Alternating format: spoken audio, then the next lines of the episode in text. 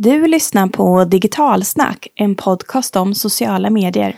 I det här avsnittet pratar vi om psykologin bakom sociala medier.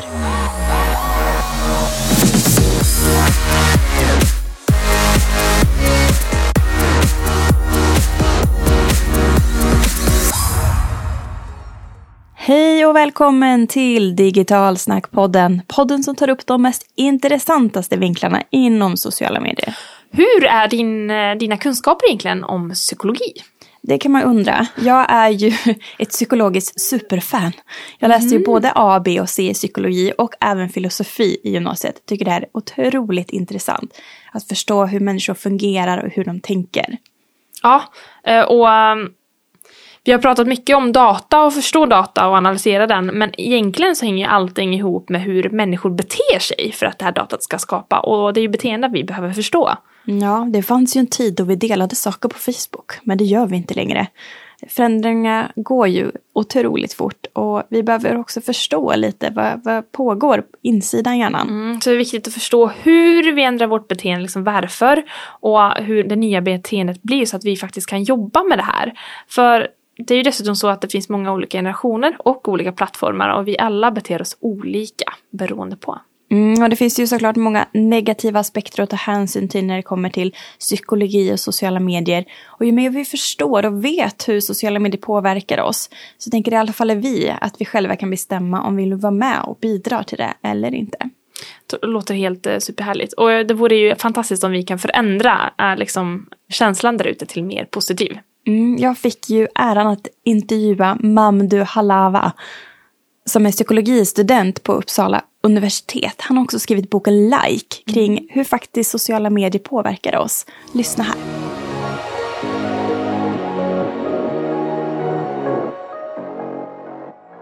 Hej Mamdu Halawa! Välkommen till Digitalsnackpodden. Tack så mycket. Du, kan du inte berätta för våra lyssnare lite kort, eh, vem är du? Eh, jag, jag är en psykologstudent eh, som pluggar i Uppsala. Jag, jag är aktuell med den här boken då, Like, som behandlar eh, sociala mediers psykologiska påverkan. Precis! Och den ska vi ju prata mer om, den här boken Like som du nämnde här. Hur kom du på idén? Jag, jag har fått den här frågan så många gånger så nu har jag faktiskt ett bra svar, vilket jag inte hade i början. Jag, jag har fått liksom tänka över varför jag gjorde det här.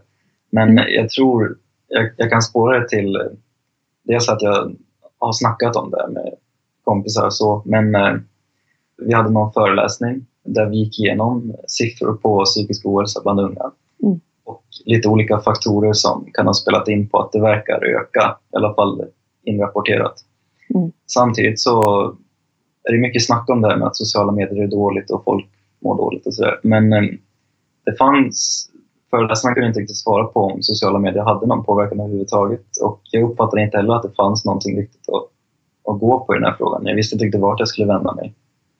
Så det ledde till att jag själv eh, försökte läsa en massa studier om det här och eh, ja, sammanfatta det. Eh, och det ledde då till att till slut hade jag läst så mycket att jag försökte liksom göra någonting utav det. Så jag tänkte att jag försöker göra en bok i alla fall och sen ja, om jag misslyckas så, så är jag tillbaka på ruta ett så det spelar ingen roll. Ja men modigt tänkt, verkligen. Och jag har ju såklart läst den här boken och den är faktiskt fantastisk om man är intresserad av hur sociala medier påverkar. Vi ska ju ta lite utkast ur den här boken och prata kring just de här negativa sidorna men också de positiva och just där vad, vad har man kommit fram till egentligen. Och boken finns ute nu, man kan köpa den. Yes. Ja, och vart går man då? Den finns på alla möjliga nätbokhandlar. Bokus, Adlibris, eh, ja, överallt egentligen där du kan hitta böcker. Mm. Den finns inte på så många fysiska bokhandlar just nu. jag jobbar på det, men det är ganska hög konkurrens där. Eh, och jag är ju liksom, det här är min debut och allt. Det, det är ganska svårt att liksom komma in där, men vi får se. Ja men precis. Men de flesta som är intresserade av det här ämnet är säkert ganska digitala. Så jag tänker ju att våra lyssnare kommer att hitta den där ute. Ja. Du ska prata lite om innehållet i boken. Och den första frågan som dyker upp i mitt huvud som också är kanske det som man själv blir lite skrämd av när man får höra. Hur många gånger per dag kollar vi egentligen våra telefoner? Det finns lite olika studier på det, men eh, någonstans kring 80 till 100 gånger eh, verkar genomsnittet vara. Så det är genomsnittet alltså. Så det finns ju många som använder det betydligt mer och också folk som använder det mindre. Men ja, väldigt många gånger. Eller hur? Tänk om man skulle räkna alla gånger. Vi kommer ju gå in Ja. på det här med medveten handling som blir automatiserad. Och det är ju egentligen det här. Vi kan inte tänka oss att vi tar upp mobilen 80 till 100 gånger på en dag. Det är ju för att många av de här sakerna sker ju per automatik. Så hur lång tid tar det då att en medveten handling som att vi första gången tog upp telefonen till att den blir så automatiserad att vi gör det 80 till 100 gånger utan att tänka på det? Det, det finns inget svar på det. Det beror helt på vad det är man gör och hur intensivt man gör det och, och så vidare.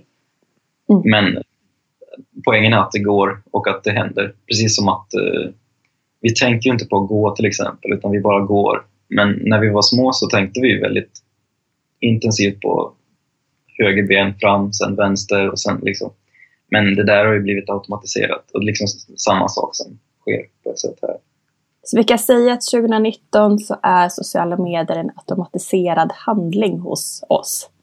Inte hos alla tror jag inte, men Men eh, de flesta, så ganska många. ganska många. Eller, ja, det är svårt att säga. Alltså, det är inte automatiserat att lajka till exempel, eller att läsa någonting, men det här med att ta upp mobilen utan att egentligen tänka på det, den, Mm. just den aspekten Mm. skulle kunna vara det. Precis. Och det, du nämner i boken det här med psykologiska mekanismer som påverkar oss. Just att vi så här, måste kolla sociala medier hela tiden. Och vilka är de här mekanismerna som gör att vi verkligen då måste gå in på Facebook och Instagram så många gånger per dag? Människor har vissa grundläggande drifter eh, som eh, mat, träning och liknande grejer. Och när man närmar sig de här drifterna, närmar sig att uppfylla dem eller uppfyller dem, så får man ett gäng signalsubstanser, vilket är hormoner. Dels när man närmar sig och sen när man uppfyller det. Och systemet som sköter det här kallas för belöningssystemet. Och en av de här grundläggande drifterna som man vet ganska säkert inom psykologin, det är närhet till andra människor och socialt godkännande av andra människor. Det är den här grundläggande driften som verkar ha betingats, eh, associerats med användandet av sociala medier. Vilket gör då att vi får de här hormonkickarna. Mm. Vilket alldeles oavsett om vi vill eller inte får att må på ett visst sätt och man, ja, då vill man liksom söka efter det där igen. Så det är väl det, det, det, är det mest grundläggande, skulle Mm. jag säga. Och vet vi hur lång tid det här tar? För jag tänker i liksom början av begynnelsen av sociala medier när de startades så var det grundläggande för alla sociala plattformar att när man startade sitt konto så var det väldigt viktigt att man var tvungen att bjuda in sina vänner eller att man på något Mm. vis tvingades att eh, börja följa konton. För det var ett sätt för de här sociala medierna att då komma in i en intressant värld. Det. Och det är väl de här mekanismerna som de, de triggade igång lite grann. Mm. De har ju många olika mekanismer och de har ju massa forskare som håller på konstant tweaka på vad man kan göra liksom för att få folk att bli beroende av saker helt enkelt. Mm. Just det där du sa med att bjuda in folk till ett nätverk. Och något som är väldigt känt när man vill få folk att hänga kvar, det är att få folk att investera tid och resurser i någonting. För att ju mer man gör det, desto mer behöver man rationalisera varför man gör det. Till exempel, det här är ett konstigt exempel, men många så här lite skeva sekter, vad de gör då för att rekrytera folk är inte egentligen att erbjuda så jättebra logiska argument. De kanske gör det också, men eh, mer att eh, man erbjuder någonting som tar tid och resurser att gå med in på. Gå med in i. Eh, Och när man väl då är där och har investerat massa tid och resurser i någonting så tenderar människor att stanna kvar tills man känner att man har blivit belönad utav det.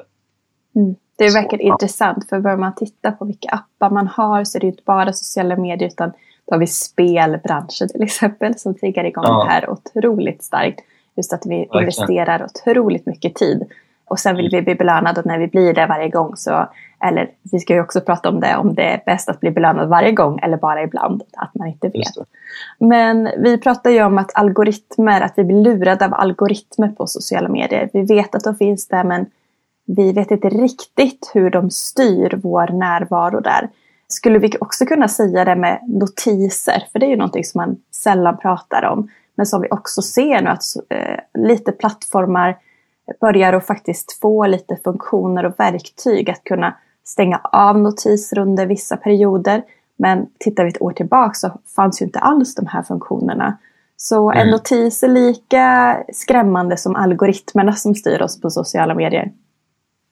Det är ju också en del av strategin att när man väl eh, etablerar eh, en association mellan någonting och typ en affekt så etableras det ett, eh, ett nätverk i hjärnan, eh, just de strukturerna som blev aktiverade samtidigt när den associationen skedde.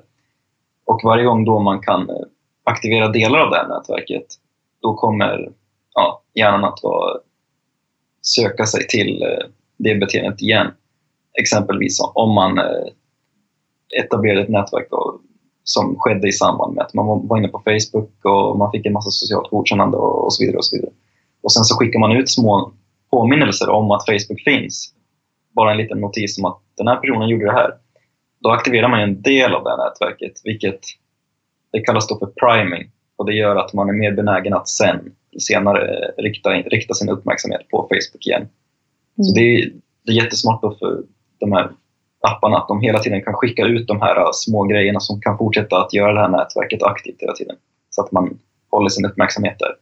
Precis, så det behövs egentligen inte att du själv har lagt en post och väntar på dina likes utan det kan vara att nätverken försöker locka in oss även om vi inte är så aktiva så får den oss att bli mer aktiva för att de här små notiserna pushas för vår uppmärksamhet. Ja, just, mm. jo, så det, det mesta av eh, liksom beslutsfattande och sånt där, det, det är saker som sker under ytan. Man har inte så mycket kontroll över de här grejerna egentligen. Mm. Även om man, man kan liksom förbereda sig på förhand liksom, genom att ta bort notiser och sånt där. Men, ja. Just det. Och borde vi göra det? Borde vi sålla bland våra notiser? Det, det beror på om det är funktionellt. Det går in lite på de olika effekterna av vad som är bra och vad som är dåligt. Men lever man ett funktionellt liv och allt rullar på, då kan man ju använda sociala medier hur mycket som helst och man kan låta det bara ta över ens liv totalt. Om det, om det funkar för en. Visst, kör på. Men eh, om man känner att man har liksom, känner av någon av de här negativa effekterna, då skulle jag definitivt eh, rekommendera att ta kontroll över i alla fall det. För det kan man ta kontroll över. Mm. Och är det ett litet beroende att vi gärna vill titta, för Väldigt många får ju notiser på sin telefon och kanske att den, när de här notiserna kommer så, så lyses telefonen upp till och med. Och så har man den bredvid sig, man sitter och fokuserar på någonting. Ja. Hur påverkar de här oss? Borde vi lägga telefonen någon annanstans eller spelar det, är det lika bra att lägga den upp och ner som att lägga den i ett annat rum till exempel? Det verkar vara som att eh, om man överhuvudtaget har en aning om att telefonen finns närvarande så kan det ha en effekt på ens kognitiva förmåga och också ens förmåga att eh, ha ett djupare och mer meningsfullt samtal. Så att vi borde helt enkelt lägga telefonen någon annanstans om vi ska sitta i ett möte eller faktiskt ha en stund där vi behöver fokusera på någonting. Då borde vi lämna telefonen en bit från det rummet. Det tycker jag, absolut. Det tycker jag för vissa saker behövs eh, djup inkodning, vilket är, en, vilket är en annan form av inlärning än mm. Inkodning. Och då är det här en bit av den liksom kognitiva resurser man har som upptas, även omedvetet. Mm. Ja, den är ju väldigt intressant. Det pratas ju väldigt mycket om mobiltelefon och skolor nu, om man ska få ha den i sitt klassrum eller inte, som ett mm. verktyg. Men det låter ju lite som att eh, man ska lämna mobilen ganska långt från klassrummet om man inte verkligen ska använda den som ett verktyg. Att det måste vara liksom endera eller. Ja. Vi ska gå in på lite likes. Nu har vi mm. pratat om notiser. Men när jag lägger ut en post på Facebook eller på Instagram. Eller som nu den här morgonen har jag lagt ut ett inlägg på LinkedIn. Och då blir jag ju lite nyfiken på om någon faktiskt reagerar och tittar och läser på mitt inlägg såklart. Så vad händer när vi får en like på en post? på sociala ja. medier. Eh, så en like är egentligen ett stycke socialt godkännande. Det är det det är designat att vara. Och vi är eh, genom evolutionen designade själva att söka efter saker som vi blir socialt godkända att göra. För att om vi blir det, om folk säger att ah, men bra gjort, då betyder, då betyder det dels att du har gjort något som är bra för din grupp och dig själv och att ja, då, kom, då kommer du må bra utav det. Så på det här sättet söker vi alltid efter att jämföra oss med andra för att lära oss hur man beter sig i en grupp. Eh, det är inte inlärning i, i termer av att så här, hur blir man en bra kompis eller hur fungerar man på jobbet, utan det är liksom det, det är väldigt grundläggande saker. så att Man kan till exempel se att eh, de här experimenten skulle inte vara etiska idag, men det har man gjort tydligen. Eh, man har tagit små apor och så har man separerat dem från deras föräldrar första sex månaderna. Så då får de vara helt själva. Och sen så Usch, kommer vad de tillbaka. hemskt, tänker jag. Ja, det är helt sjukt. Men på något sätt lyckades de göra det här och få in det i en vetenskaplig journal. Men det de såg då var i alla fall att de här aporna kunde sen aldrig mer lära sig att bete sig i en social grupp. Vilket är, det är en dödsdom för sociala djur för att man behöver ju andra människor för att göra saker. Mm. Så på det här sättet så är vi hela tiden, det är väldigt tydligt att vi hela tiden söker efter bekräftande, godkännande, jämförande av andra för att se hur vi ska bete oss. Och ja, det, det är då det här, det, den här like-notisen är designad att vara. Mm. Och jag tänker ju att det finns ju de, vi är lite olika på sociala medier. Vissa går ju in på sociala medier egentligen bara för att titta vad andra har lagt upp och ja, hålla sig ajour kring nyheter och liknande. Och då kanske inte de här triggerpunkterna är lika starka. Och sen har vi mm. åt andra sidan de som lägger ut väldigt mycket innehåll och kanske inte tittar så mycket. Finns det en ja. riskzon med de här som, som lägger upp mycket content som verkligen sitter och väntar på nästan får panik och tar bort ett inlägg om det är så att den får för lite engagemang? Alltså om så är fallet då, då är det ju något som inte ligger helt rätt till. Men man har också sett att uh, saker som verkar ha att göra med passivt scrollande. Eh, att man bara tar del av information, eller man tar bara del av information utan att egentligen göra någonting. Mm. Så man går liksom in för att liksom kolla på saker. Eh, det verkar också vara korrelerat med sämre mående och ett flertal av de, av de här negativa aspekterna. Och det är, no, det är någonting med, man vet inte exakt, men det är någonting i form av att man, man tar del av de här skeva jämförelserna utan att egentligen använda den här plattformen för någonting produktivt. Utan mer, man liksom passivt eh, ruminerar och tänker på andras liv. Mm, så det var egentligen inte bättre att vara en passiv sökare på sociala medier än en aktivt eh, like-jägare. Eh, utan de här kan vara minst lika psykologiskt dåliga. Ja, jag tänker att man kan göra båda ganska bra och båda ganska dåligt man kan ju lägga ut massa saker men använda det som någon slags grund för... Ja, men du håller ju på med ditt företag till exempel och då, det mynnar ut att du träffar riktiga personer och, och liksom jobbar. Då blir det ju någonting eh, där du liksom etablerar riktiga sociala kontakter. Mm. Men man skulle också lägga ut saker utan att egentligen träffa någon människa i, verk, i det verkliga livet utan bara se de här eh, Digitala, ja precis. Ja. Och det verkar inte vara så bra. Och likadant vad gäller typ passiv, bara ta in information passivt. Om man bara tar in information som man själv är intresserad av, kanske någon grupp eller politik eller ekonomi eller vad vet jag. Ja, men visst, det skulle säkert vara bra. Men om man bara tar del av de här förvrängda jämförelserna av andra människor som någon slags passiv tillflöde, det, det verkar inte vara bra för mående överhuvudtaget. Mm. Och där har vi ju en helt ny generation kan man säga som växer upp med de här nya idealen på sociala medier. Det kanske inte finns eh, så många studier än hur de olika generationerna har påverkats av sociala medier. Finns det det? Har man tittat på skillnader? Det finns definitivt skillnader i hur det påverkar yngre versus äldre. Men det är mer eh, vad ska man säga, logiska slutsatser som man skulle kunna dra beroende på hur folk liksom fungerar generellt.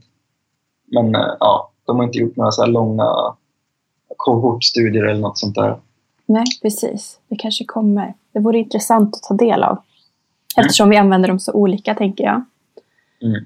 Att få många likes ibland och ibland färre. Jag berättade om den här personen som då kanske får lite panik när det, den här posten fick dåligt engagemang så att man tar bort den, skyndar sig att ta bort den innan flera sett den och sen kanske gör om inlägget och lägger upp den igen bara för att få lite mer likes. Är det bra att bli belönad med de här otroligt många likesen varje gång? Eller ska vi prata om så här oregelbundna belöningar? Är det bra på sociala medier? Just det. Eh, och det är väldigt bra för sociala medier, deras eh, ekonomiska modell.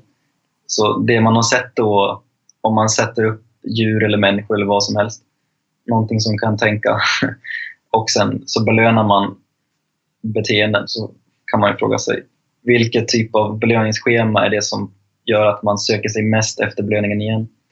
Då verkar det vara så att om man får belöning oregelbundet, alltså när det inte finns något slags, när man inte kan predicera när man får en belöning utan man får den liksom ibland, då och då, någon gång. Då verkar människor söka sig mest efter belöningar, faktiskt mer än om de skulle få en belöning varje gång de gjorde någonting. Och det här är väldigt duktigt inbyggt också, också i sociala medier. Både gällande feeden att man kan ju scrolla egentligen hur mycket som helst och man vet, man vet aldrig vad som kommer nedanför. Så det är väldigt oregelbundet på det sättet att liksom all, all typer av content eh, och du kan liksom bara dra och dra i kasinospaken. Liksom. Men även vad gäller de här små notiserna. Så de är ofta så små röda saker. Och det är ju exakt samma notis. Nu, nu talar jag om den här lilla lilla röda grej. Men jag kallar det för en notis. Ja, ja, exakt. Oavsett om det är en födelsedagspåminnelse om en person som du inte bryr dig om eller om det är något så väldigt viktigt för dig. Det är samma, samma signal, vilket också gör belöningen väldigt oregelbunden. Just det. Vi vet inte riktigt vad som händer eller vad, vilken notis som ligger där bakom, vilket gör att vi verkligen vill klicka på den varje gång. Mm, exakt.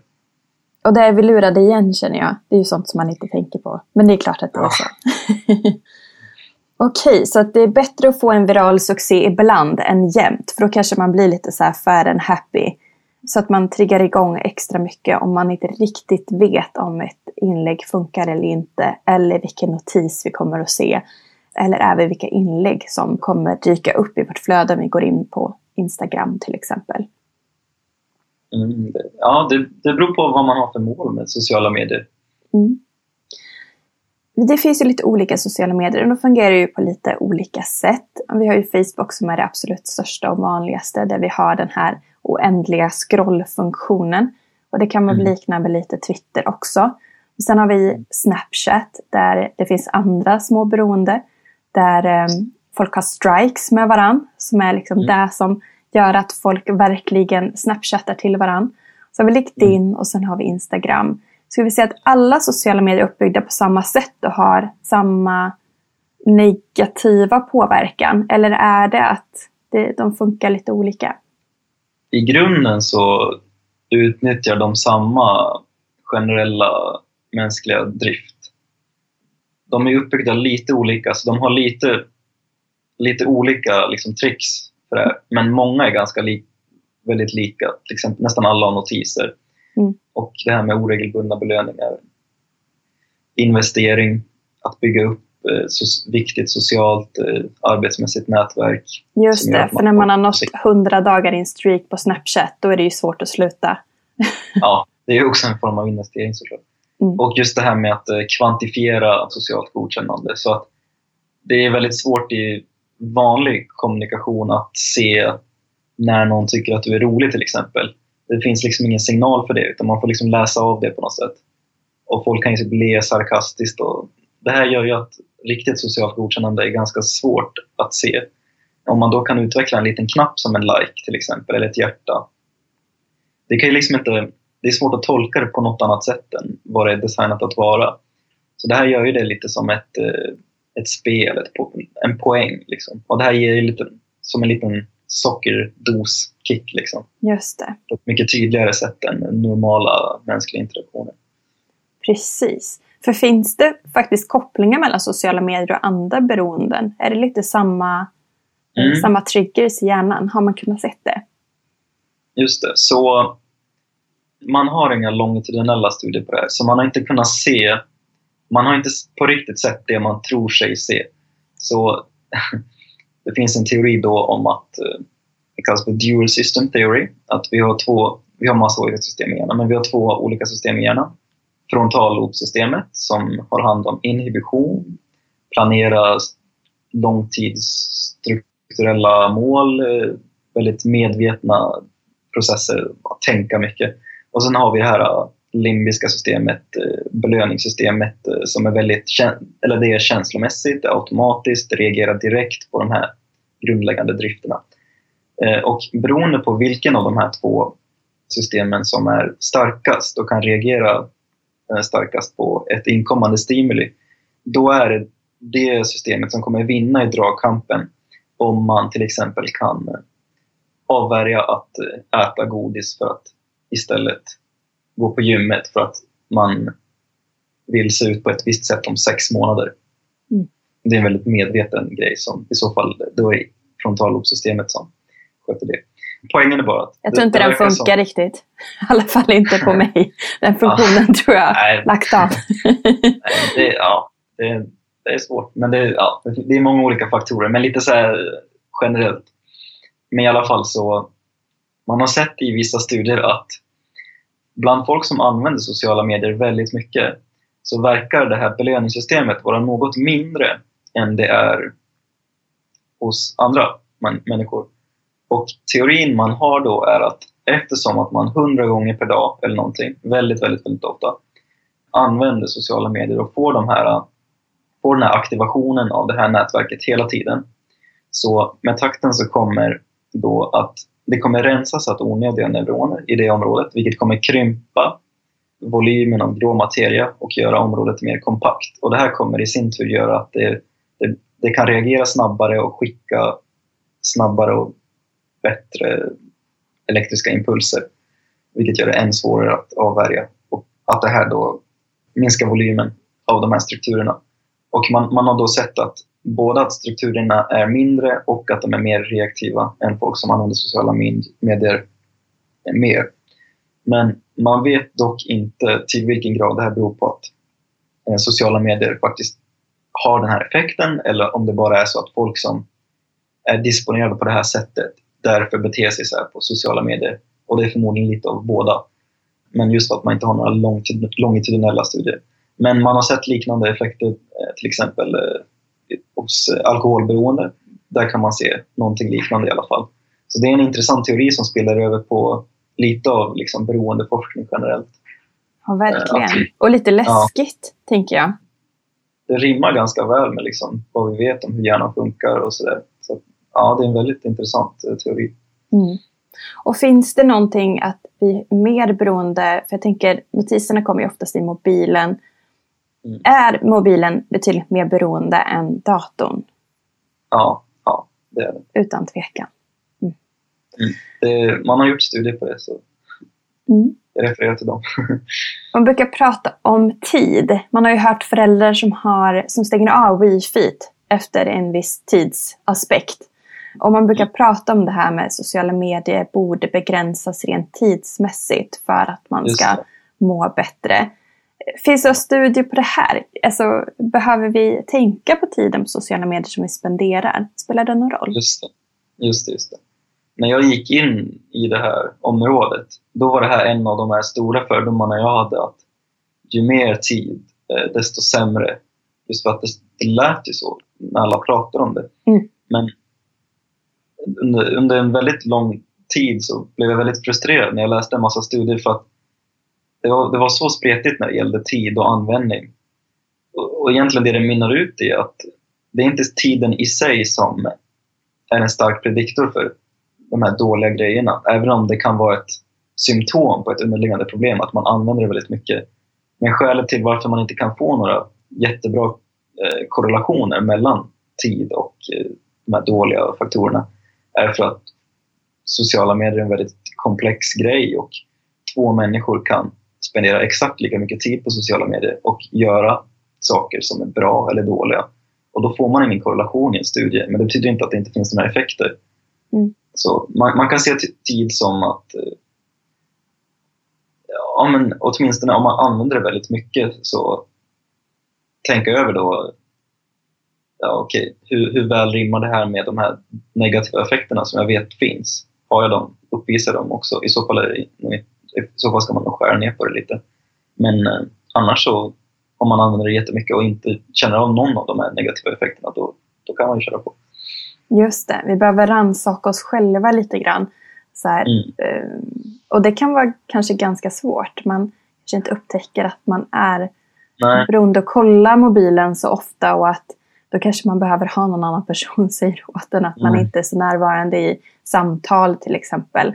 Att Ja. man kanske mer koncentrerar att vi har i vårt bolag till exempel att vi har vissa kanaler som vi bara pratar jobb och skickar vi saker Mm. på Snapchat då vet vi att ja, men nu är det privat roliga saker. Så att man inte ska få den här triggern Mm. att man inte riktigt vet om det är jobb eller inte och så kan man bli lite stressad för det. Just Ehm, okej. Ja, intressant. så det är egentligen vad vi gör eh, på sociala medier som spelar större roll än tiden vi lägger där. Mm. Jag har några andra, det här var ju en sak som ofta dyker upp när det kommer till sociala medier. Det är lite andra saker som man brukar säga. Eh, och det här Ja. med sömn. Påverkar sociala medier vår, vår sömn? Mm. Återigen, om man korrelerar tid och använder sociala medier och är dålig sen så ver- verkar det inte vara en bra, finns ingen bra korrelation där. Men om man isolerar olika faktorer så kan man se att det är två huvudsakliga grejer som verkar vara dåliga. Så dels eh, tid spenderat under skärmen liksom med en blå skärm framför ögat när det, när det ska vara mörkt. Liksom. Mm. Då verkar det vara som att man stör melatoninproduktionen eh, i hjärnan. Och melatonin är ett hormon som gör att man blir sömnig. Och det följer en viss eh, rytm som man har biologiskt. Eh, så att liksom kolla på mobilen överhuvudtaget på en väldigt bright skärm verkar göra att man inte blir sömnig helt enkelt. Och det är inte bra. Just Och den andra, och den andra faktorn verkar vara eh, just att man engagerar sig i de här kanske emotionellt krävande jämförelserna eh, också sent på kvällen innan man lägger sig. Vilket också liksom varvar upp en lite emotionellt. Just Så, det. Så att ja. det ena är egentligen skärmen eller telefonen i sig som är den negativa faktorn. Och det Mm. andra är att vi emotionellt kanske inte mår så bra precis innan vi ska sova. Eh, För att vi inte blir bjuden på den där festen eller vad det nu kan vara. Så ligger vi och ältar det helt enkelt. Exakt. Så Ja. på den aspekten så kan det vara god idé för föräldrarna att stänga av wifi kanske efter 21 för att man inte ska ligga med telefonen eller då titta igenom det här instaflödet innan, innan eh, sovtid. Mm. Ja, möjligtvis. Det som funkar. Mm. Vi har varit inne på det tidigare, men det här med digital stress kommer ju upp då och då. Att vi ska rannsaka oss själva och vi ska lägga bort telefonen och inte ta med den på semestern eller liknande. Men om jag förstår dig rätt eh, så behöver liksom var och en gå in till sitt egna beteende och tänka hur sociala medier och vår mobil påverkar oss. Och så länge Mm. vi inte har några större men så känns det som att det är ganska okej med sociala medier ändå, även om man brukar fokusera i forskning hur sociala medier påverkar oss negativt såklart. Ja. Det är också en fråga hur, hur vill man ha det? Det kan ju vara, det kan ju vara så att det är okej, men man vill ha det ännu bättre. Det kan man, det, det kan man ju välja själv också. Att liksom, det enklaste skulle väl kanske vara att eliminera det helt under en tid och se vad som händer. Och om, om det inte är någon förändring överhuvudtaget i ditt liv, då, då verkar det inte vara så att det har någon, liksom, någon slags effekt överhuvudtaget. Mm. Ja, det var en bra, ett bra tips. Jag vet ju Mm. att det var väl Henrik Schyffert som gjorde en sån, la bort telefonen för att han gick ut och så kollade han sin väderapp på vilket väder det var ute. Fast han stod ute i vädret. Eh, Och kände då att det här var någonstans hans low point när det kommer till digitala appar. Eh, Och då gick han på, ja, slängde han ut telefonen helt enkelt. Så det kanske är precis som du säger, vilken smart grej. Lägg undan mobilen en stund och se vad händer. Mm. Ja, jag, jag känner igen mig själv i Schyfferts berättelse. ja, tyvärr. Och sen en annan sak om det är sant eller inte. Och det här med, är yngre då bättre på att multitaska än äldre? Eh, om yngre är bättre på det. Just det. Um, jag har inte kollat på just den aspekten. Jag vågar inte uttala mig i det. Nej. Det beror på lite vad man menar med äldre. För att både yngre liksom innan de är 25 och äldre liksom efter att de är 65 är mer impulsiva än folk däremellan Just det. och har i så fall svårare att eh, avvärja olika stimuli. Men egentligen oavsett vilken ålder så vet man att eh, multitaskande försämrar bearbetning av information i, i, liksom, i nuet. Oavsett vilken ålder man är. Var lite med Mm. den här mobilen bredvid sig när man gör någonting, att det faktiskt stör, precis som vi var inne på tidigare.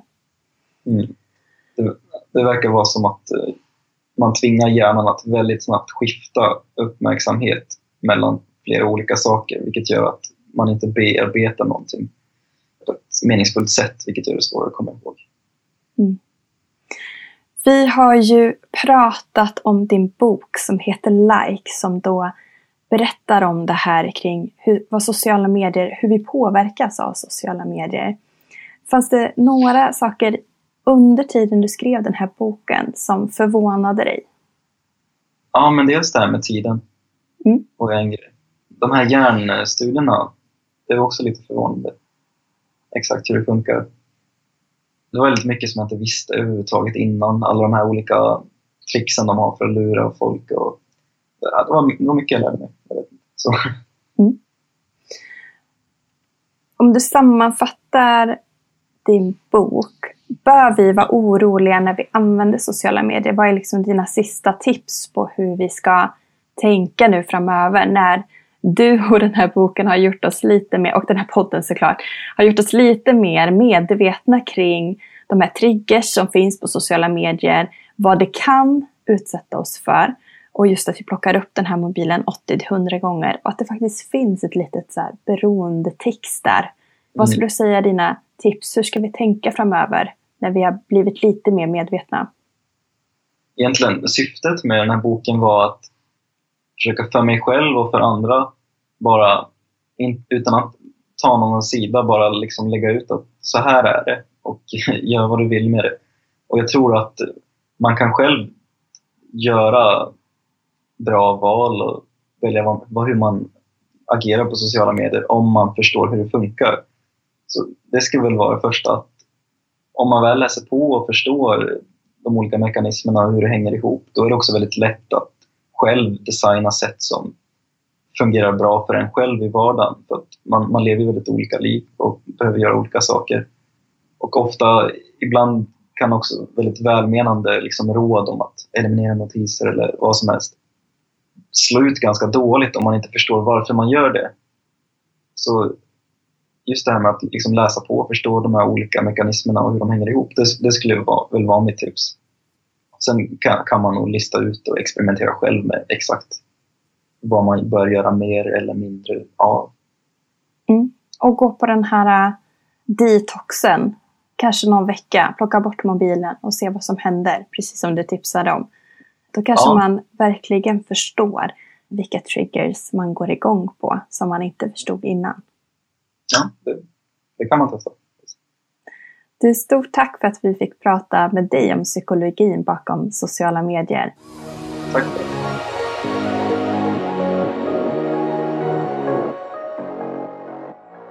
Det gjorde ett intressant experiment när vi var i London senast. Då det fästes sådana här äh, grejer på huvudet på en människa för att mäta liksom synapserna eller vad det nu kallas det som är på insidan av huvudet för att uppfatta hur den här personen då tänkte när den blev, eller visades olika saker. Det var jätteintressant, eh, för den, vi fick livestreama insidan av hjärnan då, vilket nog var det första gången som jag fick uppleva det på ett så här social media event. Och man märker precis som du sa i början att vi går från att analysera big data till att förstå beteenden och även hur vi kan påverka dem själva, både liksom positivt och negativt. Eh, och de visade ju lite olika klipp som var uppbyggda på lite olika sätt en väldigt så här, emotionell och sen en annan som var klippt på väldigt kort sätt med mycket action. Och sen så såg man vilka känslor fick den här personen, hur, hur, vilken respons blev det. Och det kom ju också upp några intressanta forskningsresultat som faktiskt har bekräftat genom att ha gjort den här typen av liksom, undersökningar. Bland annat, ledsamt kanske höra men det är sant, att retargeting faktiskt fungerar. Så det, det vet vi nu efter att ha sett det där.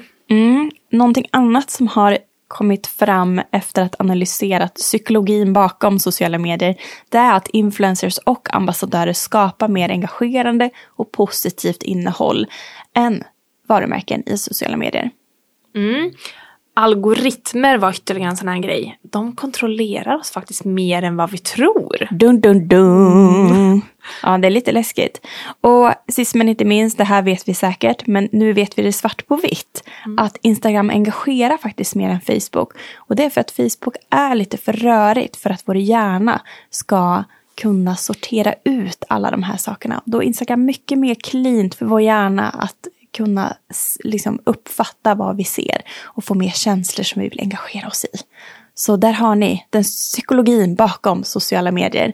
Så får vi se, vad, vad kommer ni göra med den här informationen?